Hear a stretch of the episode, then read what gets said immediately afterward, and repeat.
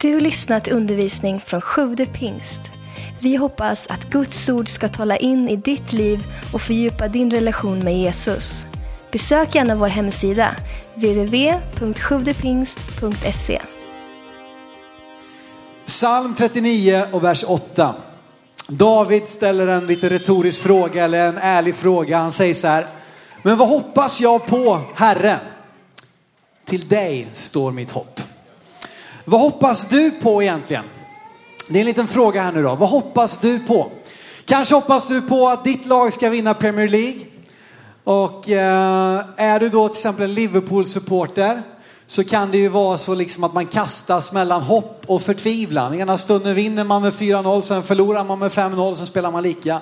Du vet, det är lite, det svajar lite. Men är man en Manchester United-fan som jag är i år så känns det väldigt bra. Efter fyra års kräftgång så är vi äntligen på väg tillbaka här nu. Kanske att du hoppas på att få vinna på Lotto. Är du en sån där liksom som, som köper gärna en lott och ah, hoppas nu ska jag nog få en break här. Och så blir man så glad när man vinner den där liksom 30 kronors vinsten på trisslotten. Men då blir det ju sådär att de har ju byggt in det här, så vad gör du med den 30 kronan? Köper en ny lott. Och där var det två stycken miljon. En miljon. Men inte närmare än så. Vi kan hoppas på massa olika saker, kanske hoppas på lite bättre väder. Eh, jag hade ju den förhoppningen när jag stod här förra söndagen och sa att det kommer alltid en bra vecka i september med fint väder. Så igår morse så här, när solen lös och det var, himlen var blå och jag gick ut och tog av möbelskyddet och satt och åt en liten sen frukost på altanen och så kände jag bara yes, nu är den här den här veckan som jag har längtat, som jag har talat ut att det kommer en fin vecka i september. Och så var det ju ganska fint i typ tre timmar. Och jag var ute i trädgården och hade lite bestyr, jag skulle gräva och greja. Och så när jag började där så bara började det ösregna. Jag tänkte nu kör jag på här. Så att jag stod där i alltså, ruskväder. Alltså jag var blöt in på hela vägen om man säger så. Men eh, du vet att det mesta vi kanske sätter vårt hopp till är typ som vädret, kanske det svenska vädret då kan man tillägga.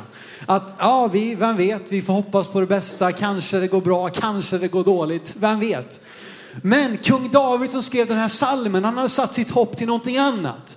Han hoppades inte bara på bättre väder, han hoppades inte bara på att vinna på lottot. Han hade satt sitt hopp till Gud.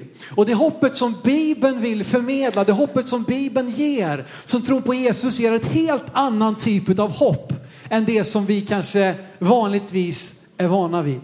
Vi ska läsa om det i Hebreerbrevet 6 och vers 18 och 19 som är just eh, eh, det som jag skulle vilja tala om idag, resten av den här predikan. Hebreerbrevet 6, 18 till 19.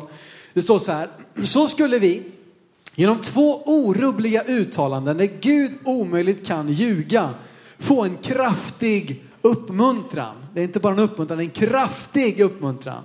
Vi som har sökt vår tillflykt i att hålla fast vid det hopp vi har framför oss. Detta hopp har vi som ett tryggt och säkert själens ankare som når innanför förhänget. Så här talar Bibeln om ett hopp som Bibeln ger, som inte bara är lika liksom omväxlande som molnen. Utan ett hopp som är säkert, ett orubbligt hopp, ett själens ankare. Ett, ett, någonting som blir en fast punkt och det här när vi då är ute med båten va, då, då vet vi att vi måste ha med oss ett ankare så att vi inte bara förflyttas långt, långt bort.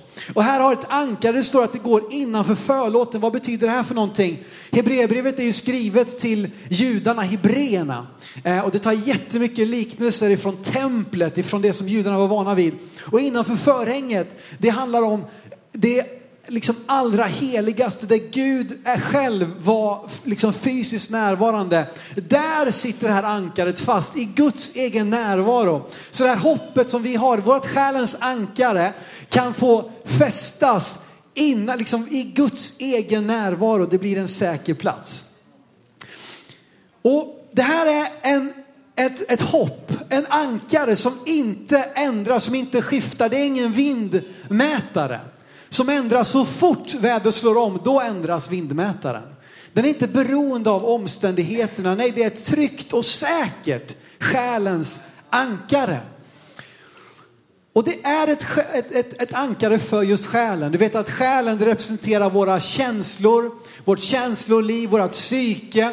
Och vi vet, och inte minst ni nu som ska börja komfa här och är på väg in i tonåren liksom att, och det, det varar nog hela livet, men inte minst i tonåren så går liksom känslorna lite upp och ner, det svajar så här. Men i den här känslostormen så kan vi få ha ett ankare för vår själ. Och det betyder inte det här ankaret som hoppet som Bibeln ger, det betyder inte att det aldrig kommer att storma eller aldrig kommer blåsa. Då behöver man inget ankare nämligen. Men därför att ditt liv, det kommer att blåsa, det kommer svaja, det kommer gå lite upp och ner. Just därför behöver du ett ankare. Ehm, och eh, som sagt, det hindrar ju båten från att driva iväg. Det hindrar vågorna från att bestämma båtens färdriktning. Det blir en fast punkt.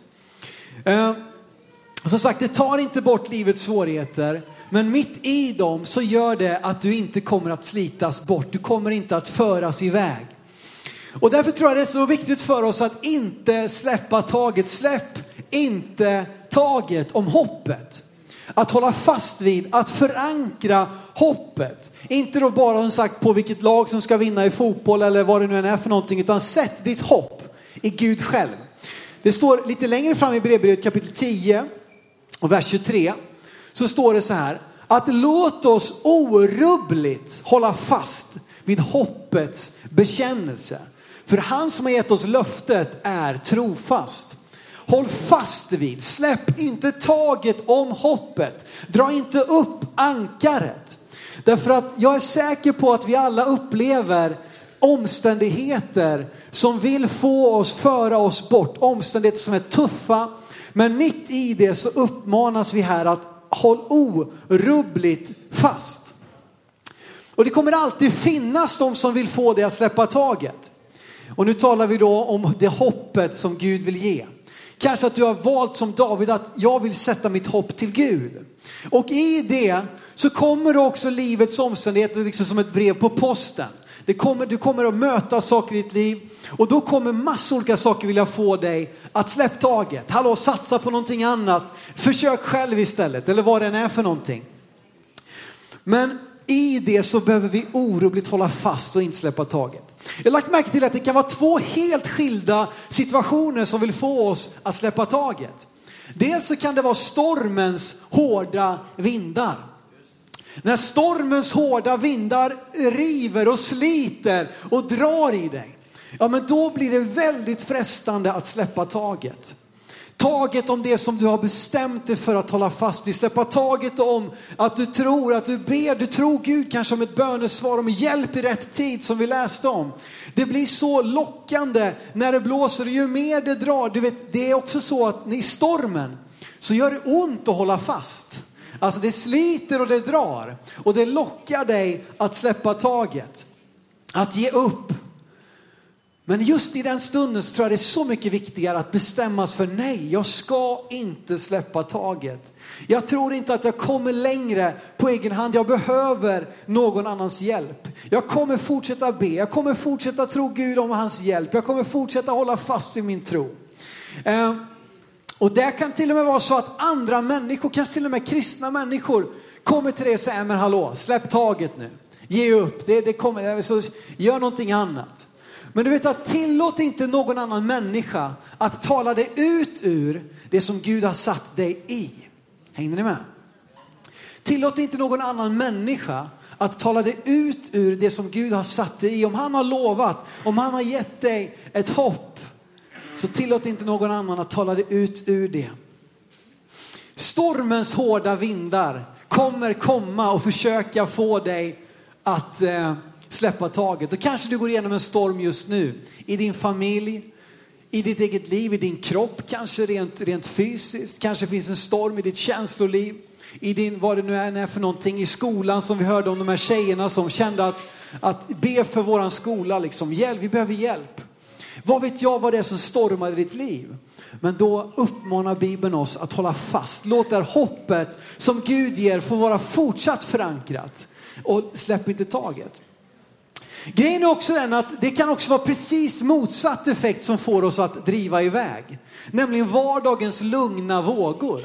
Jag vet inte om du är som jag som, som gillar att bada i vågor. Alltså jag älskar att bada i vågor. Det är det bästa typen av bad som finns om du frågar mig. När det går höga vågor. Alltså det, får, liksom, det finns ju någon gräns där det börjar bli farligt. Där de har någon röd flagg som betyder någonting där på stranden. Men, men man är ändå lite frestad liksom att ge sig i. Jag och Carro, vi hade förmånen att, att resa runt lite i Kalifornien här i, i somras. Och det var härliga vågor och överallt så fullt med surfare liksom och man känner sig så avundsjuk. Alltså hur gött är det inte, måste det inte vara att kunna surfa? Visst kan du surfa Janne? Typ, ja. Ja. Han kan spela gitarr, han surfar, ja han kan det mesta kan man säga. Men i det där, jag älskar vågor. Och då är det ju så, att när man ger sig ner till badplatsen så hittar man en plats på stranden och lägger liksom sin handduk kanske, sina tofflor eller vad det nu är för någonting, sandaler, sina grejer, sina solglasögon. Och så ger man sig då ut i de här härliga vågorna som är så inbjudande. Och har du tänkt då på att mitt i det här roliga, i det glättiga, i det härliga, i det ofarliga, så 20 minuter senare när du ska ta dig upp, så inser du att, och du går upp på land, alltså vart är min handduk någonstans? Vart är mina sandaler någonstans? Och så inser du och tittar upp liksom, oj jag har ju glidit iväg 200 meter. Utan liksom att jag ens visste om det. Jag har ju bara haft kul här, jag har ju bara liksom badat på och hoppat runt lite grann och så utan att du ens har tänkt på det. Utan att någonting, det var ingen storm liksom, det var ingenting, ingen fara utan det var bara det här roliga vardagliga som utan att du visste om det fick dig att driva bort många, många hundra meter. Och jag tror att det är precis lika viktigt att i vardagens, i den gråa vardagen, jag pratade lite grann om, om, om vanor förra söndagen här, att i det här vanliga, i det vardagliga som ändå utgör stora delar av vårt liv, då är det minst lika viktigt att ha ditt ankare fäst, själens ankare. För att rätt vad det är, om du inte vakar över vad du sätter ditt hopp till, så rätt vad det är så kommer du ha glidit iväg utan att du ens har lagt märke till det. Och då kanske du inte ens vet hur du ska hitta tillbaka. Så att oavsett om du just nu har en storm i ditt liv så vill jag uppmuntra dig, släpp inte taget. Eller om du just nu upplever att det är vardag, det är väldigt vanligt sådär, släpp inte taget. Håll fast, det är lika viktigt då. Och du som varit ute och fiskat någon gång kanske på en fiskebåt eh, eller vad det nu är. Och som då sätter sig där och börjar meta liksom, eller vad det nu är för någonting. Och, och, och en del av er gillar fiska och sådär. Jag gillar att äta fisk och, och, och, läsa bok och så vid sjö. Det, där liksom drar jag, en, drar jag ett streck. Men i alla fall, då vet du att om du är ute där på, så kan du bara sitta där och guppa lite grann. Och har du då inget ankare så går det någon timma, ja men då kommer du vara på en helt annan plats. Så att mitt i vardagen, likväl som i stormen, behöver vi ha vårt ankare fast grundat i, i Gud. Ett hopp som inte sviker, ett hopp som inte går liksom, ja, skiftar. Och då kan det också vara så att du kanske just nu sitter och känner att, att ja, men det där hoppet du pratar om, alltså jag, visst jag kanske har haft det eller jag har inte. Men då tror jag att vi kan behöva blåsa liv i hoppet. Vi kan behöva få nytt hopp. Vi ska läsa från psalm 42 återigen. Därför att i det här kanske, vad det än är för någonting som har fått dig kanske att släppa taget om hoppet, så tror jag att vi kan faktiskt få blåsa liv i det. Psalm 42, vers 5, det står det så här. Varför är du så bedrövad min själ och så orolig i mig? Sätt ditt hopp till Gud. Jag ska åter få tacka honom för frälsning genom honom. Du vet att den här som skriver, jag tror det är David, han säger till sin själ. Han säger till, varför är du så orolig? Hallå, påminner sig själv, sätt ditt hopp till Gud. Än en gång ska jag få tacka honom för hans frälsning, för hans räddning. Paulus som är, har skrivit stora delar av Nya Testamentet, han uppmanar sin lärjunge Timoteus som han hade liksom vid sin sida och lärde upp, tränade upp. Han uppmanar honom, Timoteus, blås liv i dina gåvor. Det som du hade fått för länge sedan, blås liv i det. Tappa inte taget, påminn dig om det. Och jag hoppas att du kanske idag, om du känner att du inte själv orkar med att hoppas. Att just den här gemenskapen som vi är i just nu, av, av liksom män och kvinnor, tjejer, killar från massa olika åldrar, olika länder, olika bakgrund. Att vi fick vara liksom där för varandra och blåsa liv i, i hoppet. Påminna oss om hoppet. Och det är så viktigt för oss. Och det finns en annan berättelse i Bibeln. Eh, för man, kanske, man kan lätt tänka här att Ja, men handlar det bara om att vara positiv liksom? Är det bara någon slags eh, mindfulness eller någonting? Att man bara ska tänka goda tankar? Nej, jag, jag, tror inte det är dåligt att vara positiv, men det här är någonting djupare. Det handlar inte om bara att jag ska vara positiv i mig själv, för där vet jag sagt, min själ den går upp och ner. Men jag sätter mitt hopp inte till mina egna positiva tankar, utan till vem Gud är. Till vad han har sagt, till hans löften. Och då kan jag gå in i livets olika prövningar och svårigheter. Och även då om mitt känsloliv just då är nere i en svacka så har jag mitt, mitt hopp förankrat i vem Gud är. Han skiftar inte. En som hade det här perspektivet det var David, herdepojken som i tonåren eh, ställdes i en envig, i en duell mano a mano med Goliat, den store jätten till krigare som hade blivit tränad till att vara krigare hela livet. Och så ställer sig Goliat, eller David, ska möta honom. Eh, och ni kanske känner till berättelsen, men det är i alla fall en fullständigt ojämn kamp och inte minst, inte bara handlar det om deras liv, utan de strider för sina olika respektive folk och det kommer avgöra landets framtid. Hur tog sig David an det här? Jo, han visste att mitt hopp, mitt, om jag kommer klara det här i mig själv så ser det väldigt, väldigt dystert ut. Men han går in i den här fighten och vetandes att Gud är med mig. Och därför kan jag möta den här prövningen, den här jätten som just nu har kommit för mig i livet. Jag kan möta honom med självförtroende, med trygghet, därför att jag vet att Gud är med. Och det blir så lätt att så fort, du vet, det är lätt att kanske hålla fast vid hoppet när allting går bra. Då är det inte så svårt att hoppas. Då är det inte så svårt att vara positiv. Men när det kommer den här Goliaten och bara reser sig upp framför dig, då är det bra mycket svårare att hoppas. Och då är det också lätt så att vi kanske till och med börjar anklaga Gud. Varför har det här, varför har det här hänt i mitt liv? Varför, har jag, varför ska jag möta Goliat? Men har du tänkt på att Goliat ledde inte till att David blev förgjord, att han blev tillintetgjord. Det ledde till att han blev befordrad. Så att den prövningen du möter, om du i det svåra som du upplever väljer att också då sätta ditt hopp till Gud, så kan det som livet försökte sända din väg till att förgöra dig, kan Gud använda till att befordra dig. När du har kvar ditt hopp i honom, vem han är, att sätta ditt hopp till Gud, att ha honom som själens ankare. Och vi behöver blåsa liv i det hoppet. Ja, men tänk om jag gör allt detta och ingenting händer. Tänk om jag hoppas och ingenting händer och det går inte. Ja, men tänk om du hoppas och någonting faktiskt händer. Tänk om det faktiskt kommer gå. Det är inte så lätt att se saker kanske från den negativa sidan, men tänk om det kommer gå. Tänk om det kommer lyckas. Tänk om det kommer en, ett, liksom, eh, ett genombrott här. Och sen kan man ju fundera också på vilken attityd som kommer ge dig den bästa resan fram till det. Om du hela tiden går kanske och klagar och är nere och liksom vad det nu är. Eller om du i allt det som du möter får påminna dig om vem Gud är, vad han har gjort, vad han har lovat, vad han har sagt. Jag tror att det kommer ge dig en bättre resa också, även om vi ibland väntar. Det är det hoppet handlar om. Vi behöver inte hoppas på någonting som vi redan har. Då, då behövs det inget hopp. Liksom. Utan hoppet handlar om det som vi ännu inte har sett. Det som vi ännu inte vet. Och faktum är att om du inte har ditt ankar, ditt liv fäst i hoppet, så är det väldigt lätt så att vi kommer ha det fäst i någonting annat. Hebreerbrevet 12 och vers 1. Här står det återigen mycket bibelord från Hebreerbrevet idag. Det är härligt. Jag gillar det, den boken i Bibeln. Där står det så här i brevet 12 och 1. När vi alltså har en så stor sky av vittnen omkring oss, den talar om, ja det ska vi inte gå in på nu, men i alla fall, vi har en stor sky av vittnen. Låt oss då lägga bort allt som tynger och särskilt synden som snärjer oss så hårt och löpa uthålligt i det lopp som vi har framför oss. Som sagt, om du inte har ditt ankare i hoppet som Jesus ger så är det väldigt stor chans att du kommer att bli fäst eller fastna i någonting annat.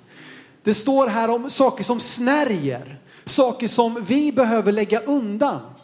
Jag vet inte om du har varit med om det kanske någon gång när du är ute med en båt och så har ni fäst ankaret och så är det dags att åka hem. Och så börjar man liksom dra i det där ankaret och så sitter det fast liksom.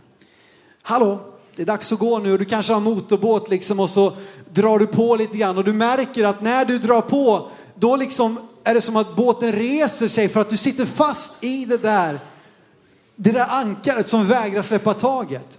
Och enda lösningen då för dig, det är ju, visst du kanske är dykare och kan dyka ner och allt sånt där. Annars måste vi skära av repet. Vi måste släppa, liksom skära av det som binder dig på ett felaktigt sätt. För att om du är bunden av det som är, liksom du har ett ankare i någonting annat, i någonting destruktivt, eh, i någonting som håller dig nere tillbaka. Om du låter det där ankaret sitta kvar så kan det ju vara så att, att du, du vill någon annanstans.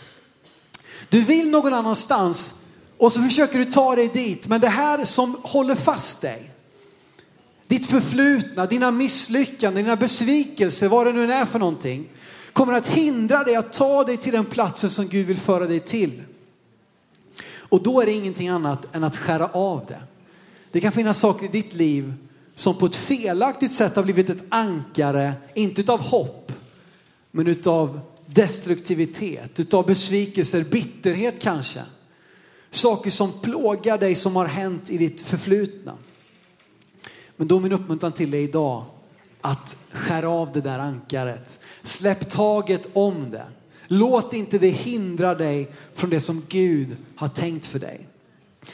Om du ständigt är i kontakt med ditt förflutna så kommer du ha svårt att höra när framtiden ringer. Om du alltid är bunden och fast i det som förut har varit och du vägrar släppa taget om det som du eh, faktiskt nu inte kan göra någonting åt.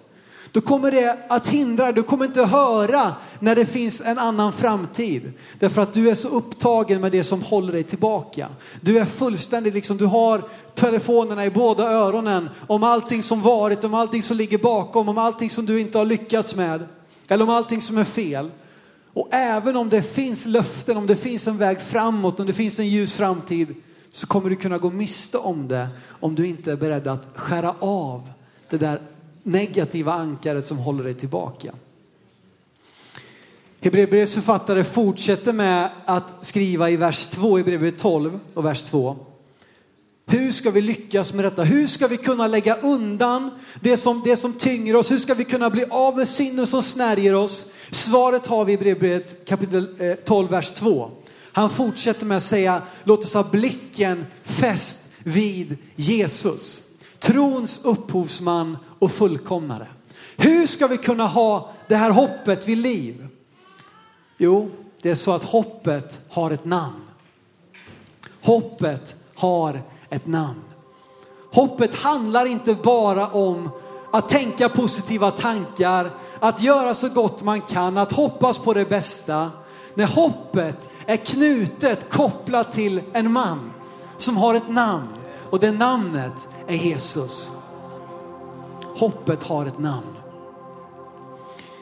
I Matteus 12 och 21 så står det, till hans namn, alltså Jesu namn, ska folken sätta sitt hopp. Kan komma tillbaka till den frågan som David ställde i början. Vem hoppas jag på?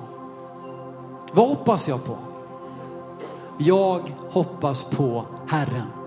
Hoppet har ett namn. Och det är min uppmuntran till dig idag. Att koppla upp ditt liv, ditt hopp i det som kan bli ett säkert och fast själens ankare. Nämligen när du sätter ditt hopp till Jesus Kristus. Och kanske att du inte alls liksom vet vem han är och vad han har att göra. Men vet du, du måste inte veta så mycket. Så länge du har koll på att det handlar om Jesus. Att det är han som är i centrum. Att det är honom som våran tro kretsas kring. Han är både trons upphovsman, alltså han är början på vår tro. Och det står också om att han är fullkomnaren. Han är hörnstenen. Han är den första stenen man lägger i det här bygget som är det kristna livet eller livet överhuvudtaget. Och han är också slutstenen, den sista stenen man lägger i det här bygget. Jesus han är med från början till slut. Därför att vi har en god Gud vår himmelske fader som valde att sända sin son Jesus för att ge hopp till en värld som behöver hopp. Ge hopp till de hopplösa. Ge frihet till de som är bundna och fångna. Och det är min uppmuntran till dig idag att du kan få ta emot det hopp som Gud vill ge. Tack för att du lyssnat. Glöm inte att du alltid är välkommen till vår kyrka. Du hittar mer info på www.sjuvdepingst.se